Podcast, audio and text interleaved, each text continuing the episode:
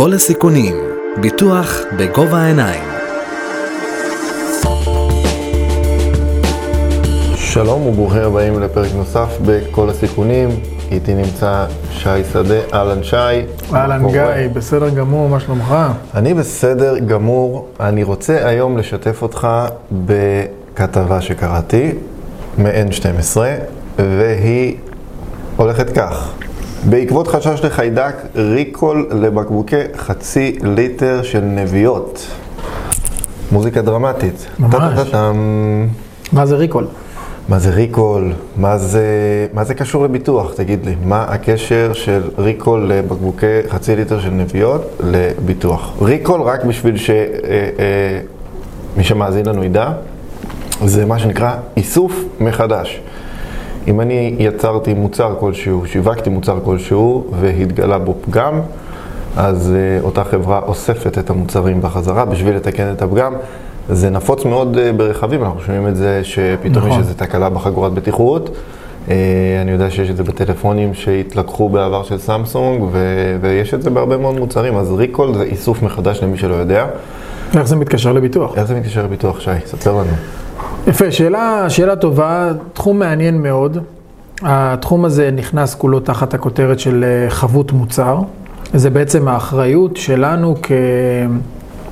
גם כיצרנים של מוצר מסוים, וגם, אה, תתפלא לשמוע אולי, גם של יבואנים של מוצר, וגם אם תיקנתי איזשהו מוצר, גם אם אני אה, עכשיו איזשהו טכנאי שמתקן איזשהו מוצר, גם שם יש עליי אחריות. אז בואו רגע נדבר, נבין שנייה מה, מה זה אומר.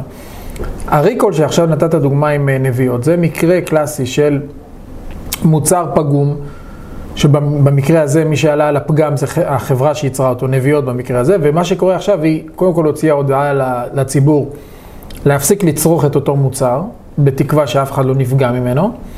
ודבר שני שהיא עושה זה היא ממש מגיעה לכל החנויות בכל הארץ, כל הסופרים, כל המכולות, כל הפיצוציות שזה נמצא שם, ואוספת משם את הבקבוקים. רק הדבר הזה כשלעצמו יכול לעלות כמה מאות אלפי שקלים. אוקיי, לאסוף חזרה את כל הבקבוקים האלה זה מערך לוגיסטי מורכב עם המון המון כסף. אם לא מיליונים במקרה של נביעות, זה, אנחנו מדברים פה על המון... אה, נכון, אז, אז זה, זה, זה דוגמה אחת, אבל אז זה נכנס, כל הדבר הזה, כל העולם הזה נכנס תחת המטריה של חבות מוצר. שמה זה בעצם חבות מוצר?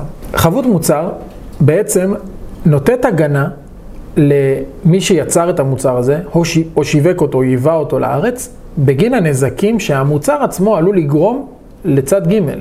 לדוגמה, נגיד שאני יצרן של כיסאות, אוקיי? עכשיו ייצרתי כיסא, מכרתי אותו, ואחרי שנתיים בן אדם ישב על הכיסא, פשוט הכיסא התפרק, ולבן אדם הזה נשבר הגב. בגלל שאני היצרן של הכיסאות, יש לאותו בן אדם זכות לחזור אליי בתביעה בגין הנזק שנגרם לו כתוצאה מזה שהכיסא שייצרתי נשבר.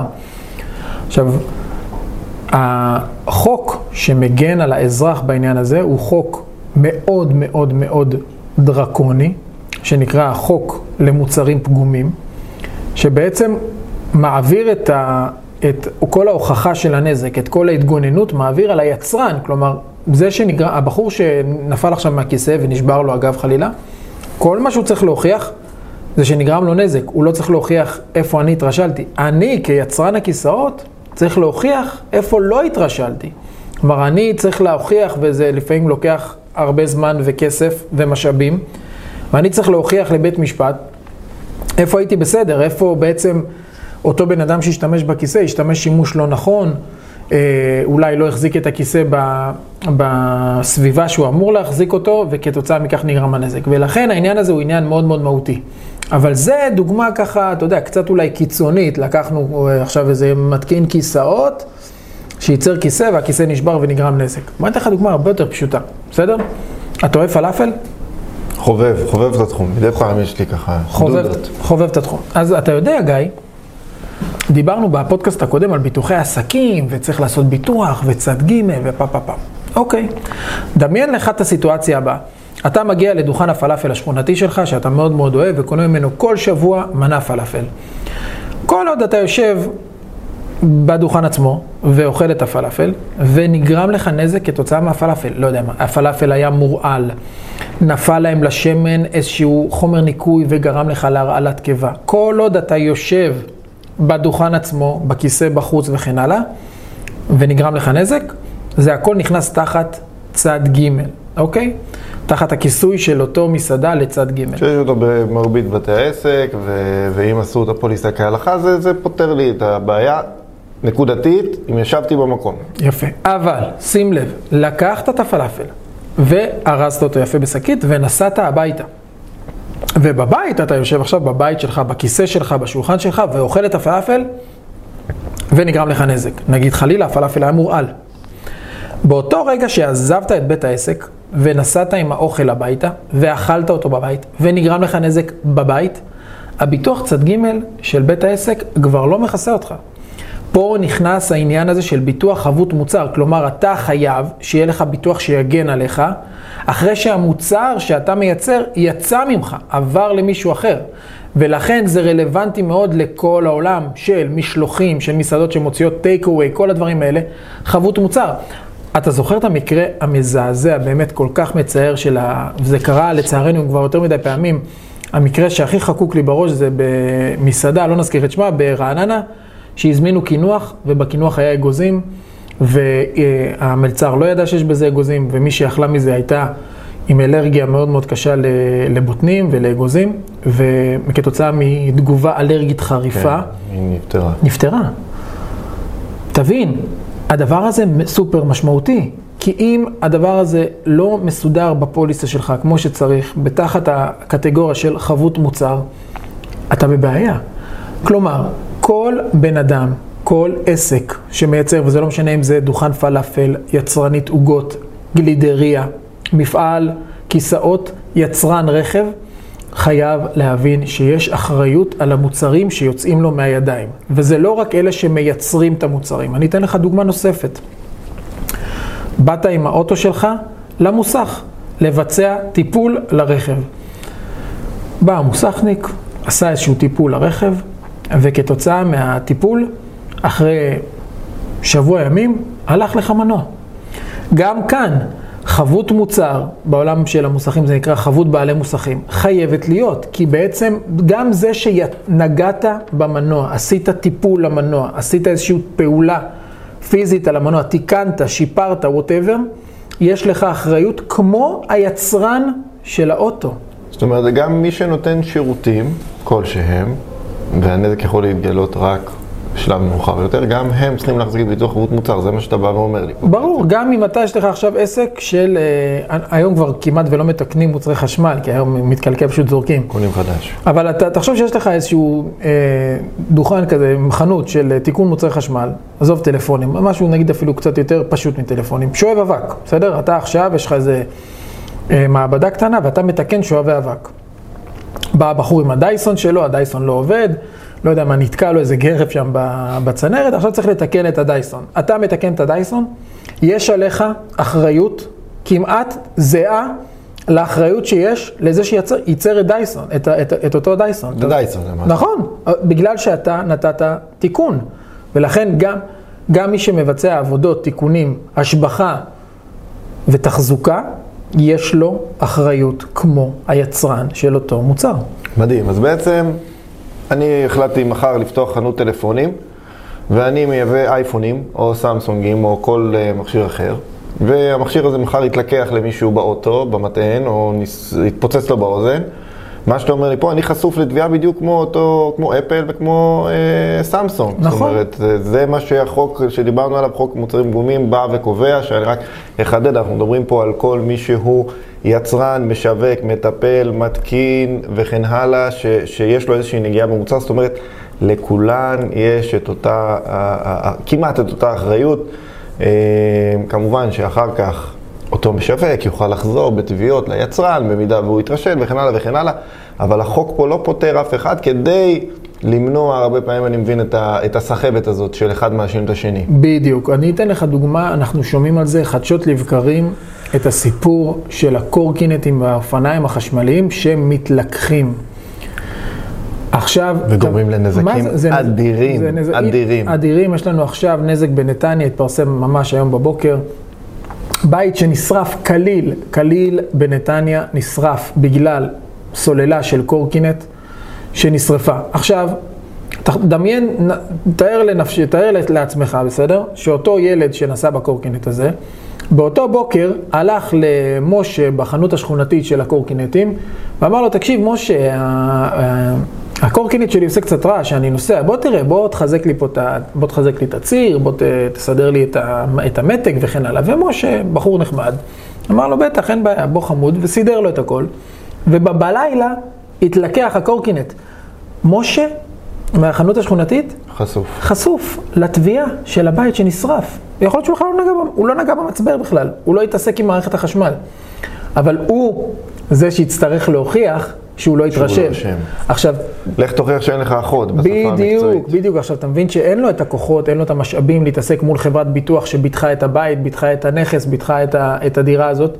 ו, וזה דבר ש, שזה נזקים ותביעות שעלולות להגיע למיליוני שקלים. ואנחנו כבר יודעים שהעורכי דין שנכנסים ב, לתמונה במקרים האלה לא מרחמים על אף אחד, וכל מי שידעו נגע אי פעם במוצר הזה ימצא את עצמו בכתב התביעה. אוקיי, אנחנו יודעים גם שביטוח חבות מוצר מכסה אה, נזקים פיזיים אה, לרכוש או נזקי גוף. אתן לך עוד מקרה. קראתי בדרך לפה כתבה על, אה, על Waze, על זה שווייז כבר לא מדויקת כמו פעם, והרבה אנשים פתאום מעריך להם את הדרך, ופתאום אה, מעביר אותם בדרכים דרך הקו הירוק. מישהו יכול לתבוע את Waze על זה שהמוצר שלהם גרם להם נזק, אני איחרתי לעבודה ופיטרו אותי, אני יכול לתבוע את Waze על הדבר הזה? אז פה אתה נכנס לגבול הדק בין חבות מוצר לאחריות מקצועית. אני לא יודע אם בא לך שאני אתחיל להסביר את זה, כי זה רק זה כשלעצמו יכול לקחת ארבע שעות, אבל ממש על קצה המזלג. על קצה המזלג, כמו שאנחנו אוהבים. התשובה היא לא, התשובה היא לא. אוקיי, חבות מוצר, מדבר, החוק שעל פיו אנחנו בונים את אה, פוליסת חבות המוצר, מדברת על נזק פיזי. מוחשי. בסדר? מוחשי. נזק לרכוש, נזק לגוף. אם נגרם נזק תוצאתי כתוצאה מהמוצר שלי, את זה אני לא יכול לתבוע תחת פוליסה של חבות מוצר. כן אני יכול לתבוע את החברה אגב, אין בעיה, עומדת לי הזכות לתבוע אותה, פקודת הנזיקין, הכל טוב. באחריות מקצועית. בדיוק. פה זה אחריות מקצועית פרופר, כי אם יש לי מוצר שכשל, וכתוצאה מכך נגרם נזק, מה שנקרא מצרפי, נזק נוסף, נזק שהוא לא נזק פיזי, לא אש, לא נזק, נזק כספי. בדיוק. אז אני עכשיו יכול לתבוע את אותה חברה בגין האחריות המקצועית של הנזק הזה, ו- ולא לא בחבות המוצר. הרבה פעמים אנחנו רואים גם שעושים אה, ביטוח חבות מוצר יחד עם אחריות מקצועית משולב בשביל אה, מה שנקרא אה, למנוע את הנפילה בתחום האפור הזה ולכסות בין אם זה לא יכוסה במוצר, זה יכוסה במקצועית, אבל זה כבר לפרק אחר. אוקיי, אז הבנו מה זה, הבנו למה זה חשוב, הבנו גם מה ההבדל בין הצד ג', כמו שדיברת במסעדה, לבין החבות מוצר. אבל תסביר לי רגע איך בכלל מתבצע הביטוח הזה, על סמך מה קובעים את המחיר שלו, את רמת הסיכון. אה, אנחנו, אני רוצה שגם ת, תיתן איזה מילה על הנושא, על החשיבות של הרצף הביטוחי בנושא הזה. אוקיי, okay, אז באמת, אה, כמו כל ביטוח בעצם, אה, יש כמה וכמה פרמטרים, כמה וכמה משקולות, שבעצם משפיעים על התמחור של הפוליסה. כי הרי ברור לך שאם אני יצרן של מכונית, או של מטוסים, או של תרופה, אוקיי? הביטוח שלי, חבות המוצר, היא תהיה לאין שיעור גבוהה מאשר יצרן שמייצר לוחות שיש, אוקיי? Mm-hmm. ולכן צריך לעשות הבחנה בין יצרן ליצרן, בין נותן שירות לנותן שירות, וכל אחד יש לו אחריות וחשיפה שונה. אז באמת, כמו שנתתי את הדוגמה, נגיד, של יצרן תרופות. דמיין לעצמך שיש עכשיו יצרן תרופות, אוקיי? אנחנו עכשיו חזק בעולם החיסונים. כן. פייזר, מודרנה, ספוטניק, אנחנו שומעים שמות כאלה של חברות תרופות שעד לפני שנתיים אף אחד בכלל לא יודע מי הם. כמובן לא האדם הפשוט, הממוצע. היקף הנזק שם. או, או אם, הוא, אם הוא ידע, אז הוא ידע אולי בהקשרים אחרים. אז דמיין שעכשיו מגלים שהחיסון של אחת מהחברות האלה גורם לנזק משמעותי. החברות האלה חשופות לתביעות של מילי... עשרות מאות ומיליוני דולר... אה, מיליארדים של דולרים בגלל הנזק שזה... ש... שהם גרמו. מצד... ולכן אתה מתאר לעצמך שכנראה ביטוח חבות מוצר שלהם יהיה מאוד מאוד מאוד יקר. מצד שני, אם אני עכשיו, הדוגמה של מקודם, היצרן הפלאפל, בסדר? הפלאפל השכונתי, אז כנראה שהביטוח שלי יהיה תואם את הסיכון הביטוחי שנגרם, כי גם אם לצורך העניין נגיד שאני אה, יצרן פלאפל, והפלאפל שעשיתי הוא מורעל, אוקיי? פלאפל זה לא בשר, אוקיי? אז, אז, יכול להיות שאותו בן אדם שאכל יחטוף אה, הרעלת קיבה. יהיה יום מאושפז, יומיים מאושפז, אבל כנראה שהנזק לא יהיה מאוד מאוד גדול. לעומת זאת, אותה דוגמה בתחום המזון, אני עכשיו אה, מגדל ביצים. אנחנו יודעים שביצים זה דבר מאוד מאוד רגיש, ואם מישהו אוכל ביצה אה, מקולקלת, מורעלת או דברים כאלה, הסיכון הוא, הוא אדיר, הוא יכול להגיע אפילו עד סכנת מוות, ולכן כנראה שמגדל ביצים או יצרן או מפיץ של ביצים, כנראה שהסיכון הביטוחי שלו הוא הרבה יותר גדול והתמחור יהיה בהתאם. ולכן המשקולת של מי אתה היא משקולת מאוד מאוד משמעותית של איך אנחנו מתמחרים את הביטוח. והמשקולת השנייה, הפרמטר השני, זה מה סכום הביטוח שאותו אני רוצה לקנות. כלומר, מה החשיפה שאני רוצה שחברת הביטוח תכסה אותי. מיליון שקל, עשרה מיליון שקל, מאה מיליון שקל וכן הלאה. ובמילה אחת לגבי הרצף הביטוחי, היות וזה ביטוח שהוא באמת ביטוח משמעותי ויש לו זנב מאוד מאוד ארוך, אני אשאל אותך שאלה. מה החוק, אה, חוק ההתיישנות אומר? כמה שנים התיישנות יש על... כשאני אומר לך חוק ההתיישנות, מה המספר הראשון שקופץ לך לראש? שבע. יופי, שבע שנים, נכון? כולם יודעים, לימדו אותנו מה שאנחנו קטנים. חוק תקופת ההתיישנות, שבע שנים. אז בוא אני אגלה לך.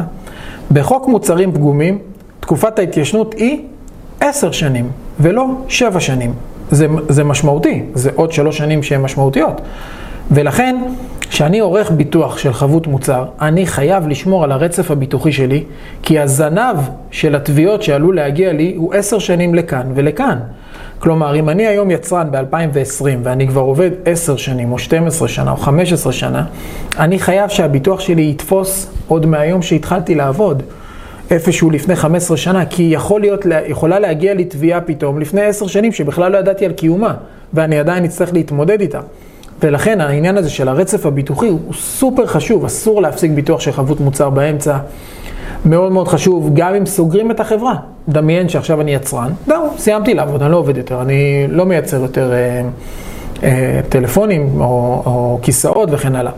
אני חייב לדאוג שהפוליסה שלי עדיין תהיה בתוקף למשך עשר שנים לפחות, כי אם שלוש, ארבע שנים אחרי שסגרתי כבר את המפעל, מישהו בא לתבוע אותי על נזק שקרה לפני שלוש וארבע שנים, אני עדיין צריך לעמוד ולשלם ולתת את הדין על הדבר הזה, ולכן גם אם סגרתי את המקום, אני עדיין צריך להמשיך להחזיק פוליסה שנקראת פוליסת ראנוף. אני, אנחנו יודעים ש, שעוד uh, משהו שמשפיע על התמחור בביטוח חבות מוצר זה גם נושא של המחזור הפעילות של העסק, כי למעשה חברת הביטוח רוצה לדעת מה היקף החשיפה, אם אני חברה שמייצרת במיליון שקל בשנה, או 100 מיליון שקל, או 100 אלף, החשיפה שלי היא בעצם שונה, זה גם משהו שהוא מאוד מאוד משפיע, יכול להיות, יכולות להיות שתי חברות שמייצרות את אותו מוצר, אבל אחת מפיצה אותו בהיקף של 100 מיליון ואחת בהיקף של מיליון, וזאת תשלם פרמיה אחת וזאת תשלם פרמיה אחרת, על אותם סכומי ביטוח, על אותו מוצר בדיוק. כי יש לנו גם לעניין הזה חשיבות. רגע, אבל... לפני שאתה עובר, אני מסכים איתך וזה מאוד מאוד חשוב, אבל גם צריך להבין שגם בעניין הזה צריך ואפשר לתת גידור לעניין של חבות מוצר שהוא גם לאו דווקא ביטוח, אוקיי? כי אם אני מספק עם המוצר שאני משווק הוראות הפעלה מאוד מאוד מפורטות ומסביר שהמוצר שלי חייב לעמוד בטמפרטורה מסוימת, בעומסים מסוימים, ונותן חוברת הדרכה. דרך אגב, החוק היום מחייב בכמה שפות. אני לא יכול להוציא חוברת הדרכה או הוראות רק בעברית, אני צריך בכמה שפות, ואם אני עובד גלובל, אז אתה מכיר את זה שאתה מקבל איזה מוצר מסין, ויש איזה חוברת כזאת, ואתה פתאום קולט שהחוברת זה פשוט הוראות הרכבה, הוראות... בכל אה, השפות. בכל השפות, בצרפתית וביפנית ובסינית ובאנגלית כמובן, וברוסית ובאמרית ובטיגרית. כי בעצם אני רוצה לחס... לצמצם כמה שיותר את החשיפה שלי, שאני בעצם, תהיה לי טענת הגנה מול אותו בן אדם שגר... שגרמתי לו לנזק, ויגיד, סליחה, אתה לא פעלת כמו, כמו שביקשתי לפעול עם המוצר שלי. בהנחה, ובאמת הוא לא פעל, יכול להיות, יש מקרים שאנשים פועלים, אני מזכיר לך את מה שהיה עם הטלפונים שהתלקחו, אנשים השתמשו בטלפון כמו שאמורים להשתמש בטלפון, אף אחד לא לקח אותו ועשה איתו אה, נכון, סנפלינג. נכון, אבל עדיין יכול לבוא היצרן ולהגיד, רגע, אתה הטענת אותו כל הזמן עם מטען מקורי של סמסונג, ואם אתה לא תצליח להוכיח את זה, אז גם אתה יכול למצוא את עצמך בבעיה. אני חושב שהיה מאוד קשה, היה קשה מאוד להוכיח במקרה הזה שגם אה, שימוש במטען לא מקורי אמור להביא לכזה נזק, אבל בכל אופן, אני רוצה רגע לחזור איתך צעד אחורה, כי התחלת לדבר על הנושא של הרצף הביטוחי, ו... ו... אנחנו יודעים שבעצם בביטוחים, בביטוחי רכוש, רכב, דירות, אפילו ביטוח עסק שדיברנו עליו בפרק הקודם, הם פוליסות על בסיס יום האירוע. זאת אומרת, קרה לי נזק, היה לי ביטוח באותו רגע שהיה לי הנזק, אה, יש לי כיסוי.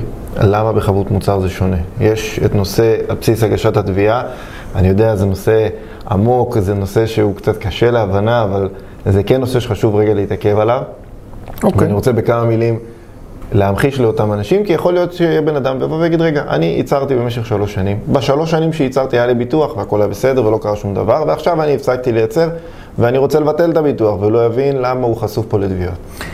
אז קודם כל אתה מאתגר אותי בלהסביר את זה על אה, רגל אחת, אז אני אנסה, בסדר? בעולם ביטוחי החבויות, לדוגמה ביטוח חבות מוצר, בסיס הגשת התביעה, בסיס הפוליסה, כדי שהפוליסה תופעל, בסדר? כדי שחברת הביטוח תיתן לך הגנה בגין הנזק שגרמת למישהו, צריכים שיהיו שני תנאים מצטברים, הם חייבים להיות מצטברים, אחד לא פועל בלי השני. התנאי הראשון זה שביום שגרמת לנזק, ביום שגרמת לנזק לאותו לקוח, ביום שנגרם הנזק, באותו היום הפוליסה שלך הייתה בתוקף. שזה אנחנו מכירים. זה תנאי ראשון וגם תנאי הגיוני, אתה אומר, ברור. לחלוטין. כלומר, ביום שעשיתי נזק, אני צריך שהפוליסה שלי תהיה בתוקף. אממה, לא מספיק. אתה צריך גם ביום שגרמת לנזק, שהפוליסה שלך תהיה בתוקף, וגם התנאי השני, שאני מזכיר לך, הוא תנאי מצטבר, כלומר צריך להתווסף על התנאי הראשון, זה שביום שהגישו נגדך את התביעה, בין אם זה בבית משפט ובין אם זה לחברת הביטוח, באותו יום שהגישו נגדך את התביעה, יכול להיות גם שנתיים אחרי, גם עשר שנים אחרי. נכון, אמרנו מקודם שאת... תשע שנים ו-364 יום. נכון, אתה צריך שביום שהגישו נגדך את התביעה, גם אז הפוליסה חייבת להיות בתוקף, ולכן זה מחזק את מה שאמרתי מקודם על הרצף הביטוחי. כלומר, אם הייתי מפעל ו... או איזשהו נותן שירות כזה או אחר, ועבדתי במשך שלוש שנים, ואחרי שלוש שנים סגרתי את העסק, אני חייב לשמור על עשר שנים פוליסה, כדי שאם יהיה מצב שיגישו נגדי תביעה, הפוליסה שלי תכסה, כי אני חייב שתי תנאים מצטברים. להבדיל מפוליסות אחרות, נתת דוגמה מקודם של רכב או של צד ג', שבו אני צריך תנאי. תנאי אחד ש... שביום שנגרם לי הנזק, היה ביטוח. זה הכל, זה מה שאני צריך להוכיח. הנזק היה ב-10 באפריל 2020, אני צריך להוכיח שב-10 לאפריל 2020 היה לי פוליסה בתוקף. סטו, לא מעבר לכך. ולכן העניין הזה של אה, בסיס הגשת התביעה, זה נקרא, או בסיס יום האירוע. יום האירוע, הוא מאוד מאוד משמעותי בעולם, אה, בעולמות התוכן האלה של אגב, הביטוח. גם מאוד מאוד חשוב לשים לב שלא עושים כל מיני מעברים של פוליסות מהסוג הזה באמצע תקופה ומבטלים בחברה אחת ועוברים לחברה אחרת. יש נטייה לפעמים לעשות דברים כאלה, זה עלול לחשוף אתכם אה, בצורה קיצונית לזה שמבטח אחד יגיד אתה כבר לא מבוטח אצלי והמבטח החדש יגיד זה לא קרה בזמן שזה היה מבוטח אצלי. ואז ייפול בין הכיסאות ויצא ששילמתם ביטוח בשתי מקומות לחינם. לגמרי. לקראת סיום, בואו נחזור רגע לנביאות. אז נשתה כוס מים. נשתה כוס מים, רק מהברז מעכשיו. אה, מקרה כזה, אם מישהו שתה מה, אה, מאותם בקבוקים חצי ליטר שהיו עם אה, חיידק ונגרם לו נזק, ביטוח חבות מוצר יכסה.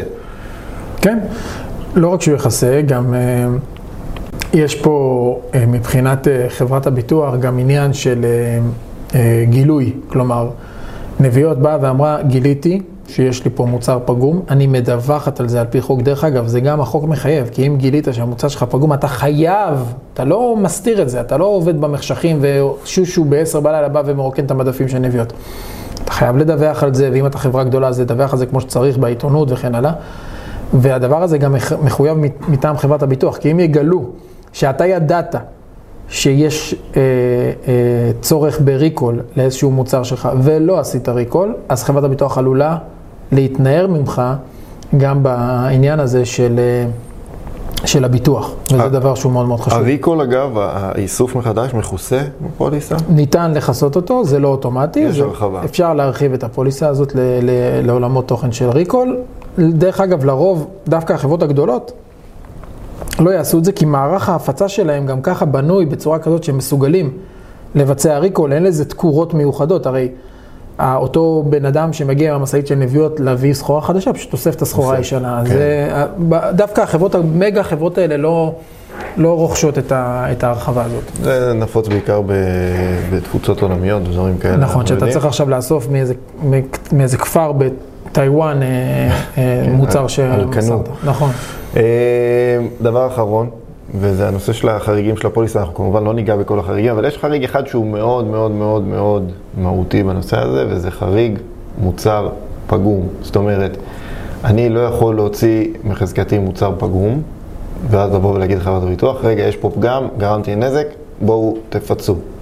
נכון, וגם זה, זה, זה חריג בעייתי שצריך לדעת לטפל בו בצורה נכונה, כי עוד פעם, אם אנחנו מדברים על חברה כמו נביאות, אוקיי? ויסלחו לי בעלי נביאות שאנחנו חופרים עליהם קצת, אבל חברה כמו נביאות מחזיקה מחלקה שעושה בדיקות איכות לכל אה, בקבוק המוצרים. מים. לא, לכל בקבוק מים שיוצא מפס הייצור שלה, הרי יש אה, פס ייצור אה, עם אה, מכת, בסדר? ויודעים לה- להגיד שהבקבוק הזה, בקבוק אה, שמספרו כך וכך, שיוצר בתאריך כך בדיוק. וכך, אז אתה בתוקף. אז יש עליהם אה, בקרה מאוד מאוד איכותית, ו- ולכן הם יכולים להגיד, אה, דגמנו את הבקבוקים, גילינו שיש בעיה, אנחנו עושים ריקול. אבל צריך להבין שגם בעניין הזה צריך לטפל בחריג מטעם, סוכן הביטוח צריך לדעת לטפל בחריג הזה, כי לא תמיד לכל אחד יש מערכת בקרה מאוד מאוד איכותית, וגם זה צריך לדעת לטפל בזה. כלומר, חייבת להיות איזושהי בקרה בסיסית על המוצר שלך, אתה לא יכול לעצום עיניים ולהגיד יהיה בסדר. אם חברת הביטוח תוכיח שידעת ולא עשית כלום, אתה תהיה בבעיה, כלומר היא תזרוק אותך כנראה מכל המדרגות, אבל גם בעניין הזה צריך אה, לעשות שנייה הבחנה בין הדברים, ולא, אתה יודע, לא לתת, צריך לרכך טיפה את החריג הזה, כי לא כל אחד מסוגל להחזיק מערכת בקרת איכות בצורה כזאת, שכל דבר ודבר יעבור אה, תחת הרדאר. במה שנקרא מסמרות ברזל ולה- ולסרוק את ה- את המוצרים עד עד רמת הבורג. כמובן, כמו שאמרנו כבר בפרקים הקודמים, אה, בטח ובטח בביטוחים מורכבים מהסוג הזה, אז תמיד אה, אה, להשתמש באיש מקצוע, בין אם זה סוכן, יועץ, איש מקצוע שילווה אתכם לכל אורך הדרך, בטח ובטח בנושא החיתומי. שי, היה לנו, היה לי העונג, בכיף. אחלה פרק. תודה רבה. שתי מים, חם היום. כן. Uh, תודה רבה שהאזנתם. אנחנו מזכירים לכם שאנחנו נמצאים גם בספוטיפיי ואפל פודקאסט וגוגל פודקאסט, ואנחנו מזמינים אתכם לעקוב אחרי uh, מה שקורה בעמוד שלנו בקבוצת שדה, שם גם עולים הפרקים uh, מדי שבוע, uh, וגם עוד uh, תוכן מאוד מאוד מעניין לכל מה שקשור לנושא הביטוחי. שי, תודה רבה. תודה, להתראות. ואנחנו נתראה בפרק הבא של כל הסיכונים. תודה. כל הסיכונים, ביטוח בגובה העיניים.